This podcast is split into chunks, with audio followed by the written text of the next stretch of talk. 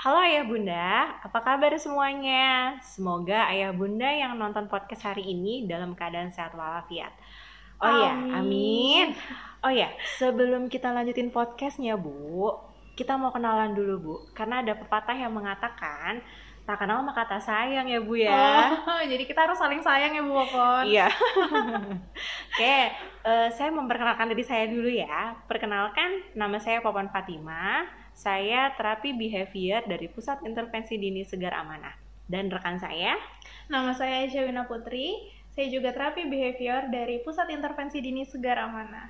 oke, Bu Ai, hari ini kita mau ngapain sih Bu Ai duduk di sini? Aduh, deg-degan gak sih Bu Popon duduk di sini? Deg-degan banget Bu. hari ini kita mau ngapain sih Bu? Oh iya, kita hari ini mau membahas tentang Ramadan, Bu. Oh iya, nggak berasa banget ya Bu ya? Kayak baru kemarin ya Bu Iya, Popon ya? baru tahun lalu deh Ramadan. Sekarang udah mau mendekati Ramadan lagi ya Oh. Bu ya.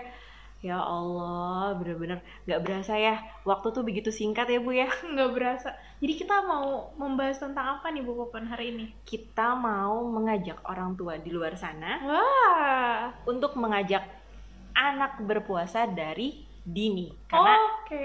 eh, mungkin kalau orang tua yang eh, melihat anak yang baru usia 4 sampai 5 tahun tuh biasanya kan aduh anak saya masih kecil kira-kira sanggup nggak ya kira-kira bisa ya? nggak ya iya Gitu. kan karena ngelihat kondisi mereka gitu maksudnya karena masih kecil mereka kira-kira bisa nahan lapar apa nahan minum biasanya kan gitu ya bu ya iya, gitu. kasihan nih Bu Popon. Kalau Hmm. ngeliat anak kecil tapi kok udah puasa Iya gitu. kan, begitu Bu. Nah, sebelum kita mengajak orang tua di luar sana untuk mengajak anak yang masih dini-dini ini untuk puasa, sebelumnya saya mau tanya nih Bu, apa sih Bu manfaat dari puasa itu tersendiri buat anak-anak atau orang-orang dewasa itu? Oke, di sini kita belajar bareng ya ya Bunda ya. Iya. Jadi kalau misalnya kita lihat manfaat mengajak anak puasa sejak dini nih sebenarnya banyak banget nih Bu Popon. Wow, ada berapa manfaatnya tuh Bu? Wah, nih nanti kita jelasin ya Bu Oke. Popon. Oke.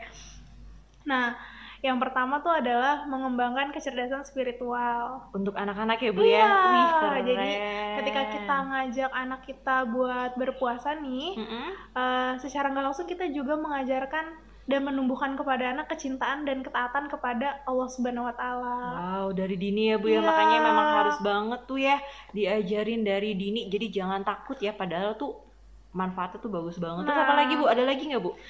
Nah, selain itu kan juga di bulan puasa sebenarnya anak tuh nggak cuma puasa aja Bu Popon, tapi ada sholat taraweh. Oh iya, Bayar oh iya. zakat, Iya benar baca Quran bareng-bareng sama orang tua. Jadi banyak nih Bu Popon Iya, ibadah benar, yang bisa benar, dilakuin benar. sama anak dan orang tua. Iya, sosialisasinya dapat ya Bu ya. Ah, Ah, apalagi sih inget waktu saya masih kecil ya pas bulan puasa itu memang sih ngejalaninnya agak Berat ya, berat gitu kan. Apalagi masih anak kecil tuh yang mikirnya cuma "E, aku mau makan aku haus gitu. Nanti sedikit lupa kita pergi main Oh, tiba-tiba iya. pulang main haus. Bener Bu, terus Ah, pengennya minum pengennya ya, Bu. minum gitu bu. Terus apa lagi bu? Ada lagi nggak Nah, manfaatnya yang selain kedua, itu? mengembangkan kecerdasan emosional. oh bisa. Nah, coba deh bukan kalau puasa itu kita nahan haus, Mm-mm, lapar, hawa nafsu marah, energi-energi na- eh, negatif nih.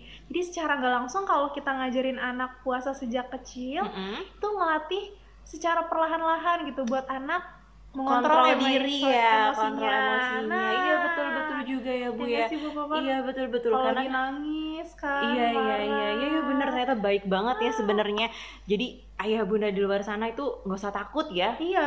Anak-anak diajarkan puasa sejak dini karena banyak banget manfaatnya. Malah jadi energi positif buat anaknya. Iya betul betul betul. Terus ada lagi nggak bu nih? Nah, yang ketiga, Mm-mm. mengembangkan kecerdasan interpersonal. Hmm, apa tuh maksudnya tuh bu? Nah, kecerdasan interpersonal ini di mana anak itu bisa merasakan Mm-mm. eh, perasaan orang lain, kondisi keadaan orang lain. Jadi ajang bulan Ramadan ini nih Bu Popon. Mm-mm. Jadi di mana orang tua tuh bisa ngajarin anak biar tahu perasaannya teman-temannya yang mengalami kondisi kekurangan. Oh iya iya iya karena eh, nggak selamanya orang-orang itu ya misalkan ada misalkan satu sisi anak yang satu dia punya serba serba Iya, ada. serba ada. mau makan bisa. Langsung mau ada minum ya, ada gitu kan. pengen es ini pengen ini ada. Belum tentu anak yang di luar sana bisa langsung bisa ada yang seperti itu. Bu. Iya benar benar benar benar benar Bu, benar banget Bu. Terus ada lagi nggak nih Bu manfaatnya? Nih yang keempat, mengembangkan kecerdasan intelektual ternyata Bu oh, bisa ya Bu? Ada loh ternyata. Oh, terus terus itu Bu gimana tuh Bu? Nih, jadi menurut penelitian nih, puasa itu bisa ningkatin hormon pertumbuhan yang mengatur proses metabolisme tubuh dan meningkatkan fungsi otak. Oh, gitu. Keren Bu. Banget keren kan, keren Bu keren banget Bu, keren banget. ya banget Allah, nih. Ternyata Allah. Puasa tuh kita kira kan biasa banget ya. Iya, ternyata padahal cuma kalau kalau mungkin kalau untuk anak-anak cuma mena apa sih sakit nih perutnya nggak bisa makan Nah. gitu haus padahal itu manfaatnya subhanallah ya Allah itu sudah mengatur ya Iya, sampai sebegitunya ya, Heeh, Bu sebegitu spesifik banget gitu kita aja kan mungkin nggak kebayang kan apa sih orang cuma nahan lapar Bersama ah, aus, iya ternyata untuk gitu. anak dari dini itu manfaatnya banyak banget. Iya. ada lagi nggak tuh bu? Tadi udah Ah, keempat kan bu iya. tuh? Udah ada empat. Udah empat empat. bobotnya gede besar besar lagi ya bu ya. Terus ada lagi nih nggak bu? Yang kelima, mempercepat pertumbuhan Bu Popon. oh ya Iya, jadi ada nih Bu Popon menurut penelitian dari American College of Cardiology, jadi pu- puasa itu memicu kenaikan hormon pertumbuhan. Hmm, Jadi gitu, sekeren Bu. itu ya, Oh iya, Bu. keren keren keren banget, keren banget. Ternyata tuh jadi ayah bunda di luar sana tuh ya jangan takut ya. Iya. Sebenarnya mengajarkan anak tuh puasa dari dini sejak Manfaatnya dini. banyak Karena manfaatnya banget. banyak. Oh, Terus banyak banget ya Bu ya dari emosinya dapet, spiritualnya, spiritualnya dapet. dapet, intelektualnya juga Oh, dapet. paket lengkap ya, Paket lengkap ya, bener. Bener itu udah sepaket ya mengajarkan semuanya padahal kepada anak ya. Cuma yang mungkin kalau untuk menjelaskan ke anaknya langsung ya Ya, nggak bisa ya. Mereka kalau udah jelasin, kamu harus puasa loh, dapat manfaatnya gini-gini ya nggak mungkin. nggak paham ya, Bu Popon? kurang nggak paham lah buat mereka. Kita harus menjelaskannya lebih sederhana lagi ya. Hmm, nah, yang terakhir tuh Bu Popon ada pola hidupnya lebih sehat. Oh iya. iya. Jadi anak tuh terbiasa nih Popo, Bu Popon makan waktu sahur dan Mm-mm. buka kan waktu maghrib. Di mana lambung akhirnya nggak begitu banyak bekerja. Oh iya iya. Jadi akhirnya kita jauh lebih sehat Iya gitu. benar benar benar. Keren benar banget nggak Popon? Keren banget. Allah itu sudah ini ya. Mengatur segalanya nggak segalanya, sih? iya. Allah baik banget. Mm. Bener-bener Jadi ayah bunda di luar sana jangan, jangan takut takut. Buat mengajarkan anak berpuasa sejak dini. Oke Bu, tadi kan udah manfaatnya nih kan, udah dasarnya nih. Maksudnya tujuannya kita buat apa sih kita ngajarin puasa sejak dini gitu kan? Nanti kan anaknya lapar gini-gini. Ternyata manfaatnya itu dibalik itu semua mempunyai manfaat yang luar Betul. biasa. Oke kalau kayak gitu bu nih udah manfaatnya udah. Eh, kira-kira kan kita konteksnya sejak dini nih bu sejak dininya tuh dari kapan sih bu Oke, Ada dari tahapannya nggak ya? sih, Oh, Bu? jelas ada Ibu Popon ya. Oh ada. Dari kapan tuh bu tahapannya tuh bu? Karena kan kita judulnya yuk kita ajari anak Puasa puasa, sejak sejak dini. dini. Sejak dininya tuh dari kapan sih bu? Oke. Ternyata dari sejak umur usia 0 sampai 2 tahun kita Sudah udah bisa? bisa, ngajarin anak Oh. kita buat berpuasa. Eh, tapi nggak dengan cara mereka harus Oh, menahan enggak. puasa dan menahan minum itu kan kayak bu? kasihan banget ya Bu Popon. Jadi kalau di usia 0 sampai 2 tahun itu sebenarnya anak udah bisa kita kasih pemahaman dengan kita bisa eh, ceritain sejarah tentang puasa, apa aja yang dilakuin eh, ketika berpuasa, misal eh, ngasih tahu kalau lagi puasa ternyata eh, ayah bunda itu nggak boleh makan, nggak boleh minum, nggak boleh marah ke anak gitu. Hmm. Jadi secara nggak langsung sebenarnya anak tuh nyerap loh apa yang Kita ceritakan Iya, ya. diceritakan sama orang tua. Hmm. Jadi dari proses pengenalannya dulu nih Bu Popon. Iya, pemahamannya mereka ya. Iya. Tuh. Eh, walaupun mereka masih baby 0 sampai Iya. 2 tahun kalau saya dibilang enggak lah mereka belum tahu tuh Ngerti apa, apa ngerti apa sih, sih gitu, gitu. kan. Ya sebenarnya kita sudah sudah wajib mengenalkan dari dini. Walaupun emang eh, bahasanya mungkin bisa di lebih disederhanakan supaya Iya, mereka betul. lebih memahaminya ya. Oke oke. Terus usia berapa lagi tuh bu? Dari berarti mulai anak No. bisa menge- apa mulai orang tua bisa mengenalkan puasa Iya. itu bisa dari usia 0 sampai 2 tahun. Iya, bener-bener dari awal ya Bu Popon ya. Iya. Terus ada lagi Bu Lanjut tahapannya dari usia 2 sampai 4 tahun. 2 sampai 4 tahun. Nah, Nah. 2 sampai 4 tahun itu fase eh, prosesnya apa tuh Bu? Tadi kan kalau tadi kan 0 sampai 2 tahun Mengenalkan ya. pengenalan. Kalau ini Nah, ini udah mulai masuk memahami eh, kepada si anak misal ketika ada orang yang sedang berpuasa, Hmm. anak mulai diajarkan untuk tidak makan di depan orang yang berpuasa, Oh, menghormati. menghargai menghormati ya. oke oke Terus Iya. mungkin udah bisa diajarin eh, anak nih dikasih makannya eh misalnya kita ngasih waktu kayak dari subuh Rentang jeda iya, ya? rentang jedanya Ah, gitu. jedanya. jadi ada waktunya ya misalkan Nah, contoh eh, mereka ikut sahur nih sama kita jam sahur tuh misalkan patok jam 4 lah ya bu Iya, betul. Nanti kita kasih waktu sampai jam 10. Jadi dia dari dari jam 4 sampai jam 10 dia mencoba untuk menahan berpuasa Iya, ya. sambil dia Sampai- menghormati orang-orang yang ternyata ini berpuasa loh. Kita nggak Oh, boleh gitu. makan depan orang berpuasa. Hmm, gitu. Nanti dari jam 10 kita lanjutin lagi sampai jam misalkan jedanya 5 jam dari jam 10 sampai jam berapa tuh 5 jam? Jam jam 3 ya. Iya, sampai jam nah, 3. nanti dari jam 3 sampai jam 6. Hmm. Walaupun fasenya maksudnya semua prosesnya secara bertahap Iya, ya. nggak bisa langsung ya Bu. Won. karena usia tadi usia berapa Bu? Dari 2 dua- sampai 4 tahun dua, ya. dua sampai 4 tahun dia sudah mulai memahami karena kan mungkin dari usia 0 sampai 2 tahun terus 3 itu udah dia ngeliatkan orang tua mencontoh ya Iya. melihat orang tua Orang tua tuh benar-benar role model ya Bu Popon iya ya. mencontoh melihat ini orang tuaku lagi apa sih gitu Kok kan nggak makan sih? iya terus kan yang gitu. biasanya hari biasa kan kalau waktunya maghrib tuh kita sholat nah Iya. kali ini kita waktunya maghrib makan pasti kan dia mikir kenapa kok orang tua saya di jam maghrib itu makan atau enggak dia mengikuti kegiatan tersebut kalau memang si anak ini belum belum mengerti pasti dia mengikuti kan bu Iya, pasti dia tahu. Kok maghrib tuh rame ya Iya, sekarang. jadi kan udah tuh udah Gitu. mulai konsep tuh oh ini loh yang namanya puasa mama sama papaku tuh Iya. eh, mena apa nggak makan nggak minum dari pagi sampai maghrib, Maghrib. gitu. Dia taunya berarti oh kalau azan tuh ini saatnya papa mamaku makan. Hmm, nah di situ gitu. mereka mungkin bisa dipraktekin yaitu dengan cara usia 2 sampai 4 tahun dikasih tahapannya Betul, maksudnya Popon. bertahap dari jam 6 sampai jam 10 dari jam 10 sampai jam 3 jam 3 sampai jam 6 walaupun seperti itu nggak apa-apa ya Bu ya Nggak apa-apa dong. hmm, kan tetap- namanya anak-anak namanya ya. anak-anak Kita masih- ngajarin puasa ke anak gitu. Iya, terus ada lagi nggak Bu tahapannya? Oke. Tadi 2 sampai 4 tahun, Selanjutnya 4 sampai 6 tahun. 4 sampai 6 tahun. 4 sampai 6 tahun itu udah fase di mana, Bu? Nah, di sini fasenya di mana kita sama anak boleh komunikasi nih, nanyain kira-kira kuat puasanya eh, sampai jam berapa? Udah setengah hari atau enggak udah full gitu. Tapi kalau ternyata anak Hmm. masih bisanya sampai setengah hari aja, oh kita nggak masalah gitu. Yang penting akhirnya dia konsisten gitu. Hmm. Dengan perjanjian yang sudah dibuat tadi. Kalau bisa puasa sampai setengah hari gitu. Tapi kalau ternyata sudah full, wah itu udah keren banget Oh, gitu. gitu. Pokoknya. Jadi ada tahapannya ya. Jadi awal di awal diperkenalkan dulu. iya.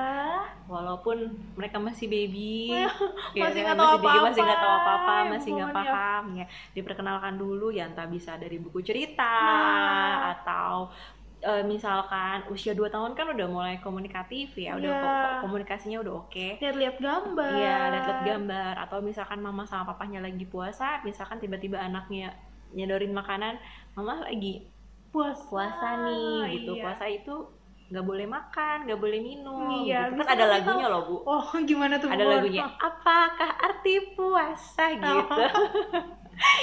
Oh, harusnya nyanyi. Nyanyi nih ya. Iya, jadi ada tahapannya juga ya Bu ya. Atau bisa dengan lagu tadi tuh. Oh bener, ya biasanya kan? anak-anak tuh paling lebih- cepet ya bu kalau dikasih lagu-lagu tuh jadi paham Iya. ya. Terus dari 0 sampai 2 tahun pemahamannya sudah oke. Nah, 2 sampai 4 tahun mungkin kalau usia 2, 3 masih masih pengenalan kali Iya, ya Bu ya. kayak Mas- menghormati, Mm-mm. belajar menghormati Nah, mulai. 4 tahun dicobalah Nah, betul. puasa yang jaraknya hanya 2 jam atau 3 jam. Hmm. Nanti naik level umurnya dinaikin lagi eh, apa tahapan puasanya. puasanya. Jadi nggak bisa langsung ternyata ya Bu Popon Iya. kalau kita tahu. Hmm, pantes ya gitu ya. Iya, Ada kalau- anak yang udah kuat puasa sejak kecil ternyata orang tuanya berproses. Iya, jadi untuk ayah bunda di luar sana jangan takut kalau anaknya nantinya bakal eh takut ah nanti anak saya kelaparan karena Nanti menahan puasa atau sakit. sakit Nanti atau pingsan gak sih eh, eh, anak begitu. saya gitu. Karena Allah itu sudah memerintahkan umatnya ya. seperti ini dan dia sudah mengatur semuanya ya Bu ya, sudah Iya, Sampai memberikan ya loh sedetail itu gitu ya Bu ya. Keren sih Bu, hebat. Oh, yang terakhir nih Bu Popo, tahapan usianya di usia 6 sampai 8 tahun. Ternyata ini masih prosesnya belajar juga. Mm-mm. Nah, kalau di tahapan usia ini uh, ketika anak udah bisa puasa full sampai maghrib dan akhirnya bisa konsisten selama satu bulan penuh Mm-mm. nah ini bisa nih kita coba kasih rewardnya. Misal ketika buka puasa mau makanan apa? Oh, boleh ya dikasih Iya, reward dikasih gitu ya. reward ya. Atau uh, ketika sahur mau makanan apa gitu. Mungkin nggak bisa dilakukan setiap hari tapi ini akhirnya jadi reward ketika dia bisa konsisten dan uh, sesuai gitu ya dengan apa yang udah disepakati kalau uh, anak bisa berpuasa sampai full gitu Oke, gitu ya Bu ya. Keren keren kan iya benar-benar. Bisa eh, apa namanya? Aduh, jadi saya jadi bisa ngasih reward ya sama dikasih anak reward sama anak ya. Di ending ya.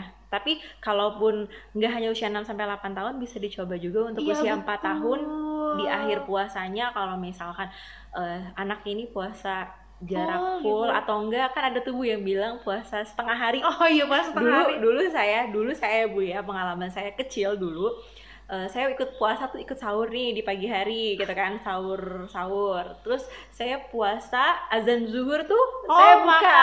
iya gitu kan puasa zuhur buka. Nanti puasa lagi itu buat saya usia lima tahun itu berat ya bu. Oh.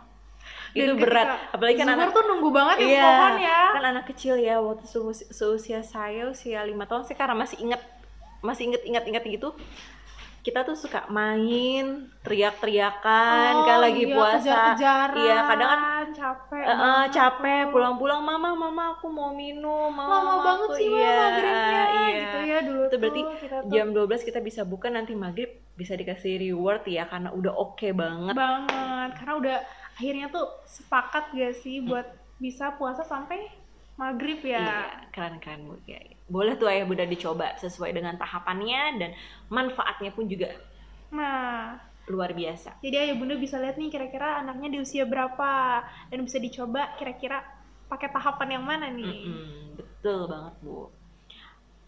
Oke, kalau ini Bu, eh, saya mau menanyakan ini Bu, kalau untuk anak ABK gimana Bu? wah ini kayaknya yang jawab harusnya Bu Aku ya? Nih ya kayaknya Bu Popon Oke, yang lebih memahami nih Mungkin tadi kan yang Bu Ai jelaskan itu untuk anak-anak yang pada umumnya Iya, ya, yang gitu kan. secara Ah, umum ya.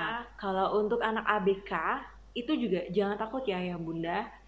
Kita tuh tetap harus bisa mengajarkan anak berpuasa kepada anak anak berkebutuhan khusus. Jadi kita jangan takut gini. eh, Oh anaknya anak eh, anak anak saya anak saya berkebutuhan gitu. Udahlah jangan kasihan. udah lah nggak usah diajarin. Nggak usah diajarin, jangan ya, Bunda. kok, Tetap- gitu. Tetap harus kita coba. Tapi ada poinnya nih Bu kalau Oh, untuk mengajarkan poin-poinnya Ah, juga. untuk mengajarkan ah, untuk mengajarkan kepada anak-anak berkebutuhan khusus. Yang pertama dilihat dari segi perkembangan kognitifnya dulu. Oke. Sama seperti sama sama, kan Bu. Ah, kalau tahapan lihat ya. usianya kan usia 0 sampai 2 tahun kan kalau anak be- anak berkebutuhan eh, tidak tidak tidak bisa disamakan ya Iya, Bu ya. dilihat Karena kan dia spesial, ya. jadi tidak bisa dilihat dari tahapan tidak bisa dilihat dari tahapan usianya. Kita melihat kematangan dirinya dia. Pertama kita lihat dulu eh, apa sih namanya eh, pemahamannya dia. Kira-kira dia sudah bisa memahami belum? Memahami segala macam hal. Kalau dia pemahamannya sudah oke, Baru berarti nih, boleh nih dikasih dia- tahu nih Bu ah, Popon. pemahaman. Kamu Puasa apa? eh, kita sebentar lagi mau puasa nih gitu. Puasa itu menahan makan, menahan minum, gitu, menahan marah. Nah kan dia sudah paham nih makan makan itu apa, minum itu apa, Marah terus itu marah apa, itu kayak gimana. oke. Karena kalau mereka belum paham itu, misalkan kita ajarkan dia untuk menahan makan sama minum. Untuk anak-anak berkebutuhan pasti nggak lapar, haus, jadinya apa? Tantrum kan. Oh bener banget. Iya. Akhirnya Kalau dia, ya, hmm, Popon kalau ya. dia belum bisa, belum paham ya, akhirnya dia malah marah, tantrum, Iya. kan kas, eh, kasihan orang tuanya juga. Jadi yang pertama itu memang pemahamannya mereka udah harus paham. Maksudnya pemahamannya udah oke, kognitifnya udah oke. Terus yang kedua, kontrol diri. sama kan Bu? Tadi yang mana? diri. Ah sama banget ya kalau kita lihat ya. Sama sebenarnya sama. Jadi jangan menganggap "Hmm, anak berkebutuhan khusus tuh berbeda. Tidak sama. Cuma mereka memang spesial. Mereka memiliki sesuatu hal yang spesial dan kita pun juga mengajari mereka dengan Cara yang spesial, Oh. juga gitu kan ya bu ya. Yang kedua kita harus lihat juga dia sudah bisa kontrol diri apa belum? Gimana tuh Bu? Jadi gini, kalau kontrol diri itu maksudnya tadi kan Bu, pemahamannya dia udah misalkan pemahaman dia nggak oke nih Bu, dia nggak bisa. Tadi kan saya udah bilang. Nggak belum paham belum ya? paham kan, dia dia disuruh menahan dia disuruh menahan makan, menahan minum, akhirnya dia marah, tantrum. Iya, kalau dia belum bisa kontrol diri, jadinya gimana dong Bu? Bisa dibayangin kan Bu? Ah, Ah. ya kan. Jadi makanya kalau untuk anak berkebutuhan berkebutuhan khusus, ya pertama dia harus bisa dia sudah pemahamannya sudah oke, kognitifnya sudah oke, Kontrol dirinya kontrol juga dirinya udah sudah oke. oke, gitu Bu. Terus setelah itu, ini dua ini, yang ketiga, ini Bu, kita berikan, eh, kita mencoba melatih berpuasa Oh, udah kita mulai latihan ah, Bu. kalau sudah pemahamannya sudah oke, kontrol Kontrolnya dirinya itu- sudah oke, kita kita, baru- ajak mereka untuk berlatih berpuasa. Oke, sama ya Sama sebenarnya ya. sebenarnya sama bu tahapannya, cuma kalau kalau anak pada umumnya kan sesuai usia, Iya. ada usianya. Kalau anak berkebutuhan kita jangan berpatokan dengan usia gitu. Tapi pengetahuan dan Iya, kontrol dirinya ah, itu perkembangan patokannya. ah. Terus pertama kan pemahamannya, kontrol dirinya sudah oke, baru kita ajak dia untuk berlatih berpuasa. Kita ajak nih, ayo yuk gitu kita puasa. Boleh dimulai kalau nggak di puasa wajib, puasa sunnah tuh bu, Oh Ah, kan? iya, Senin, buat latihan Kamis, dulu buat ya, latihan dulu. biar Ramadannya nggak Dicoba, kaget iya. ya, Popon. Belajar berlatih berpuasa sekuatnya dia. Hmm, boleh tadi tuh Bu Popon, tadi Ah, sampai jam 10 ya, atau sama, sampai jam 12. Sama seperti pada anak umumnya, Hmm. diajarkan sesuai tahapannya pakai apa pakai target waktu Iya, target waktu ya. begitu bu sama sama sama banget sama kita mengajarkan untuk anak-anak pada umumnya Jadi nggak jauh beda nih Nggak ya, jauh Bunda. beda selanjutnya kalau pemahaman oke kontrol diri sudah oke Kita tra- coba latihan coba juga latihan dengan beberapa oke. target waktu juga sudah oke selanjutnya kita lakukan pembiasaan Oke, sekarang pembiasaan. pembiasaan Senin Kamis kita coba misalkan jadi jangan berpatokan sama wajib dulu ya kita coba sen, eh, puasa sunnahnya dulu kayak puasa Senin Kamis Oke, kan Senin Kamisnya ternyata Eh, udah eh, oke bisa. bisa berarti kita coba nih bulan Ramadan 30 hari dia sudah Oh, Oke, jadi karena lakukan- udah latihan ya Bu Mm-mm. Popon ya. Jadi kita lakukan nggak pembiasaan kaget. dulu di puasa sunnah kayak Senin Kamis Senin Kamis kita coba dulu ke mereka kalau mereka sudah oke oke nanti di bulan Ramadannya 30 Oh, hari insya Allah Insya Allah full ya Bu Nah, Popon ya. Udah iya. diragukan lagi. Betul. Terakhir sama Bu. Kita berikan reward buat mereka. Sama, Sama banget. kan? Ya, bener, Siapa bener. sih anak-anak yang nggak seneng kalau Iya, dikasih iya, hadiah? Bener Misalkan ya. mereka kita udah aja seneng loh Bu Popon. Iya, aku juga seneng sih. Sayangnya kalau kita nggak dikasih hadiah, hadiahnya dikasihnya sama Allah, Oh. bukan sama orang tua gitu kan. Yang terakhir nih Bu, yang terakhir itu berikan reward. Siapa sih yang nggak senang diberikan reward? Hmm, kita Aku- aja kita seneng aja ya. seneng kan bu kalau kita habis melakukan sesuatu terus kita diberikan reward sama orang tua kita kita senang banget kan Oh, bukan lagi. Uh, apalagi rewardnya itu sesuatu hal yang kita suka Hmm. Nah, biasanya kan anak berkebutuhan khusus tuh nggak jauh-jauh dari makanan, mainan. Nah, wih pasti senang. Tapi tetap ya buat anak berkebutuhan khusus, kalau mereka mereka ada diet, ya buka puasanya sesuai dietnya mereka. bukan gitu. akhirnya dikasih, dikasih ya sesuatu hal karena yang mereka suka. Heeh, misalkan eh, oke nih dia udah seharian kita kasih coklat kita kasih ini enggak dong Hmm. tetap dengan eh, aturan yang ada Yang udah ya. ada ya. Mm. Nggak sebegitunya. iya begitu bu Ai kalau buat anak berkebutuhan khusus Oh, kalau kita lihat ternyata ngajarin puasa gitu ya buat anak berkebutuhan khusus atau anak pada umumnya sebenarnya sama aja ya sama Bu Popon. aja bu sebenarnya sama nggak beda jauh